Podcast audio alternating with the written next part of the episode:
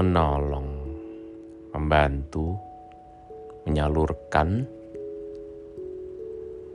mengkoordinasi bantuan-bantuan dalam situasi seperti sekarang, waktu pandemi COVID menghebat di Indonesia dan di beberapa daerah. Ya, mungkin ada yang susah mencari bantuan atau mengkoordinir atau mengumpulkan bantuan atau sumbangan. Ya, tapi untuk beberapa orang hal itu tidak menjadi hambatan. Bahkan ya bisa dibilang mudah. Cuma ada satu kesulitan nih yang mungkin bagus untuk direnungkan ya. Ternyata nggak semua yang kita anggap baik untuk membantu orang lain pun itu bisa diterima dengan baik atau malah diinterpretasi dengan baik sebagai satu tujuan dan juga satu niat untuk membantu. Ternyata bantu orang itu juga mesti pakai strategi, pakai kebijaksanaan, ketemu beberapa orang, ngobrolin dan diskusi, dan juga memastikan bahwa bantuan itu sampai dan berguna dan tidak menimbulkan masalah. Sebetulnya aneh sih ya, kenapa bantuan jadi masalah gitu. Kan tujuan kita hanya ngebantu. Tapi ternyata, hmm, nggak semudah itu kita harus memastikan bahwa apa yang mereka butuhkan itu benar-benar dibutuhkan. Seperti obat-obatan atau vitamin atau apa pun lah.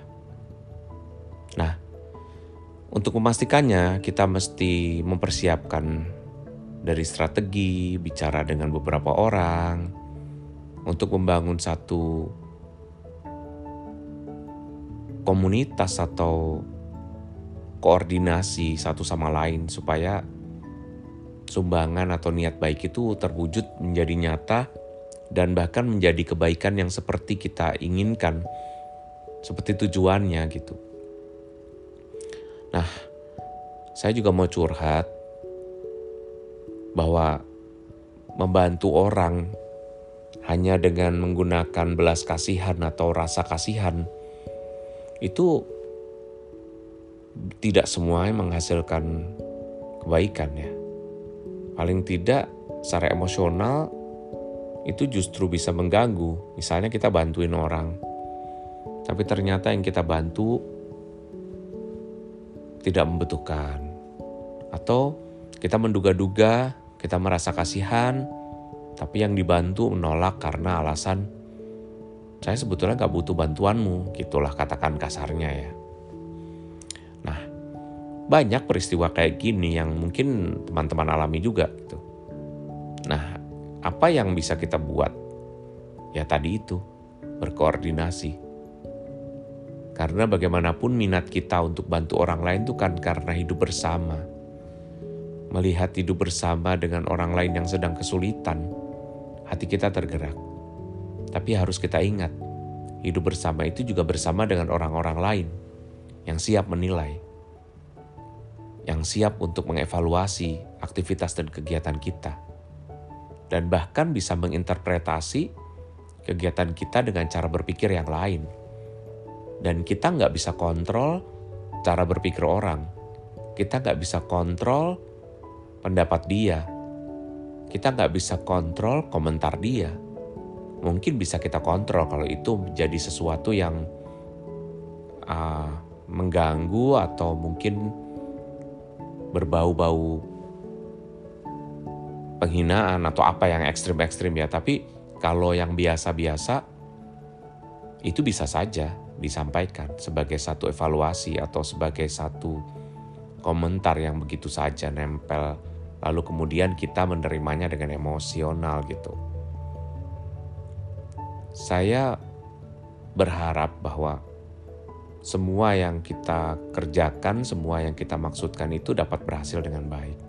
Membantu orang, mengumpulkan bantuan, menyalurkannya jadi sesuatu yang memberkati. Bukan hanya memberkati orang lain tapi juga memberkati saya dengan sukacita, puas batin, merasa sudah jadi lebih manusiawi gitu. Itu lebih berguna. So far sejauh ini saya sih sudah ngerasa bahagia. Paling tidak saya punya minat itu. Paling tidak saya punya maksud itu. Dan paling tidak saya sudah menjalankan, mengungkapkan dengan usaha saya dan kemauan saya untuk membantu. Saya memang menomorduakan komentar dan juga perasaan-perasaan sesudahnya. Meskipun sebetulnya saya juga mulai sadar, itu juga perlu. Menurut kalian gimana?